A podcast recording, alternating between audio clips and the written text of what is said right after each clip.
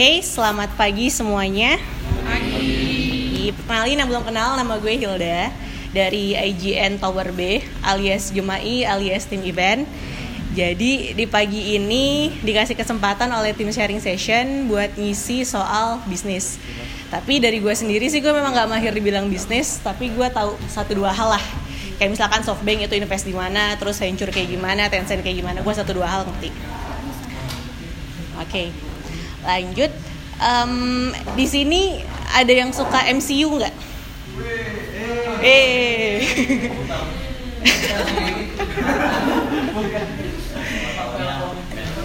Oke, okay. gue tuh awalnya nggak suka MCU, tapi gara-gara Mas Fari ngajakin Norbal and Norbal, Nobar Endgame waktu itu, jadi ikutan nonton MCU. Jadi dalam waktu dua minggu tuh bisa ngikutin dari Iron Man pertama sampai Spider-Man yang terakhir. Dua minggu tuh. Iya. Movie maraton. Maraton. Nah, terus kenapa tiba-tiba gue tarikin ke MCU? Karena gue pengen ngebahas di sini kenapa sih Howard Stark itu bisa segede itu pada zamannya. Pertama, karena dia itu punya bisnis yang oke punya, yaitu bisnis di masalah industri pertahanan. Um, gue nggak tahu sih background yang gue tahu background orang tuanya atau Howard Stark itu memang dia dari uh, tukang dari teknisi dari engineering dan emang penggemar sains. Jadi pas di tahun 1913 itu dia berhasil mendirikan Stark Industry yang bergerak di bidang militer. Di mana pas taman itu, taman itu, pas di zaman itu kita lagi perang dunia kedua. Jadi pemerintah, jadi Howard Stark, Howard Stark, Howard Stark di sini uh, berhasil ngedeketin pemerintah untuk menggunakan teknologi yang dia miliki. Jadi bisnis industri pertahanan pada saat itu adalah sangat menjamin dan sangat terjamin dan pada saat di timing yang pas. Di lain itu dia punya sisi pekerja keras terlihat dari anaknya kayak Tony Stark dia itu kan like father like son. Jadi pas anaknya kerja keras pasti orang tuanya lebih keras lagi daripada anaknya. Dan kenapa bisa disebut sebagai billionaire juga? Karena Howard Stark itu um, biasanya billionaire itu terjadi di generasi kedua. Di generasi pertama dia merasakan sakit-sakitnya, tapi di generasi kedua, generasi ketiga itu baru bisa merasakan wah anjir ternyata uh, Stark Industry berhasilnya di zaman Tony Stark. Siapa tahu nanti Tony Stark punya anak, namanya siapa yang gue lupa.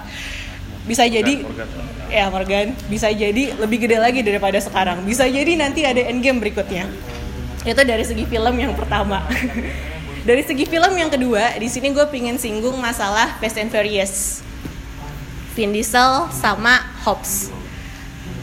Nilai yang Vin Diesel anut dia itu kekeluargaannya tinggi banget. Kenapa? Karena setiap dia sebelum melakukan atraksi bisa dibilang kayak balapan atau mencuri segala macem, dia pasti berdoa sama sekeluarganya itu. Dia sambil pegangan tangan sambil berdoa sama-sama supaya misinya berhasil walaupun misinya itu buruk tapi berdampak baik. Merampok bank tapi itu menjatuhkan orang yang merampok bank itu. Gitu. Di samping dia punya kekeluargaan yang baik dia juga punya kepemimpinan yang tinggi. Kenapa bisa dibilang gitu? Karena dia berhasil memposisikan orang yang tepat di tempat yang tepat dan di saat yang tepat. Itulah sebenarnya salah satu jiwa CEO jiwa kayak Mas Fari yang bisa menempatkan orang yang tepat di posisi yang tepat di waktu yang tepat. Itu sebenarnya yang harus kita uh, kita lihat lah dari sisi kepemimpinan yang baik. Pemimpin yang baik itu dilihat dari segi itu. Karena dari segi ilmu sendiri, pemimpin itu nggak punya ilmu. Itu adalah seni yang harus kita asah terus, harus kita dalamin terus. Nah, terus poin berikutnya adalah bentar lupa. Ya, hilang.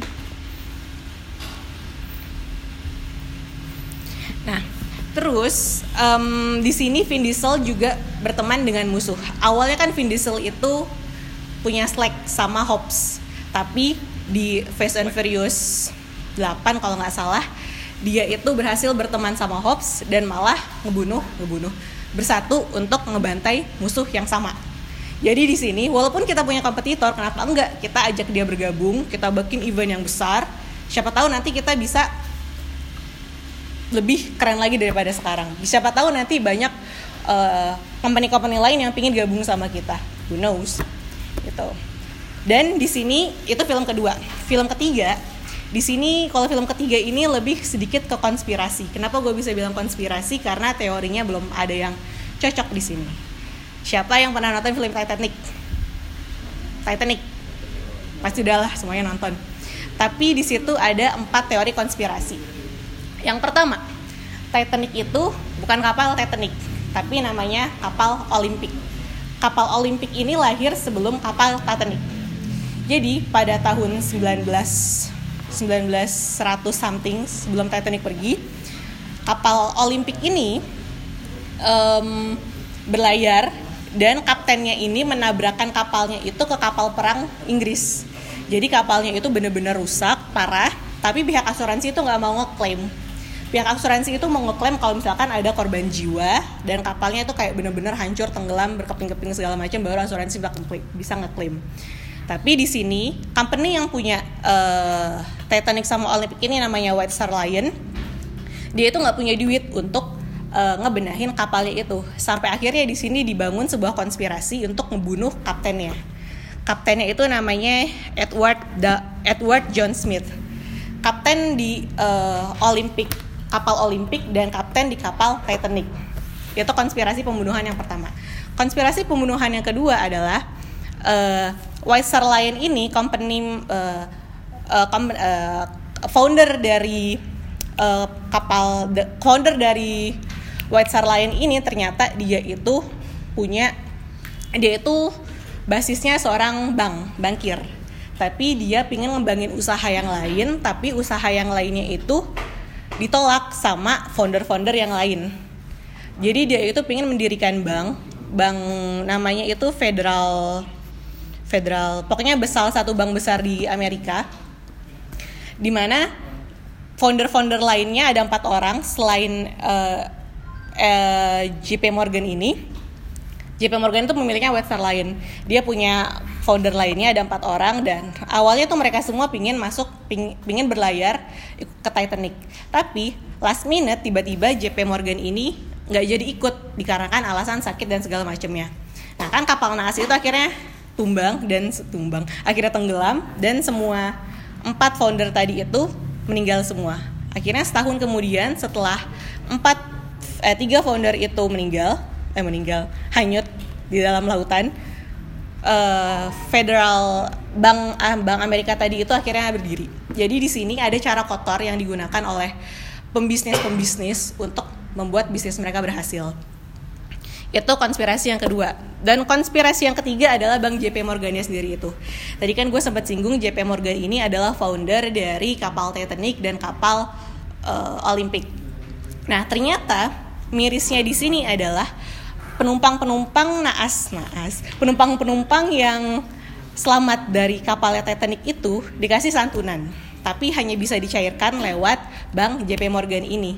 Sedangkan JP Morgan itu JP Morgan ini adalah bank yang baru lahir dan dia belum ada belum ada apa namanya nasabahnya sama sekali, tapi dengan dia menggiring semua um, menggiring semua manusia yang selamat dari tenggelamnya kapal Titanic itu untuk bikin akunnya di sana dan di mana notabene mereka semua ini adalah orang-orang yang tajir, orang-orang yang emang berinfluensal dan dia sangat berpengaruh saat dunia, otomatis kan dia bakal bertransaksi bertransaksi terus. Itulah salah satu behind the scenes-nya kenapa bank-bank bukan bank-bank bank JP Morgan ini bisa menjadi salah satu bank yang gede di dunia. Karena dia punya buka cabang di mana-mana. Nah, di sini kesimpulan yang bisa kita tarik adalah jadi kalau kita membangun bisnis, kita harus tahu passion kita itu di mana.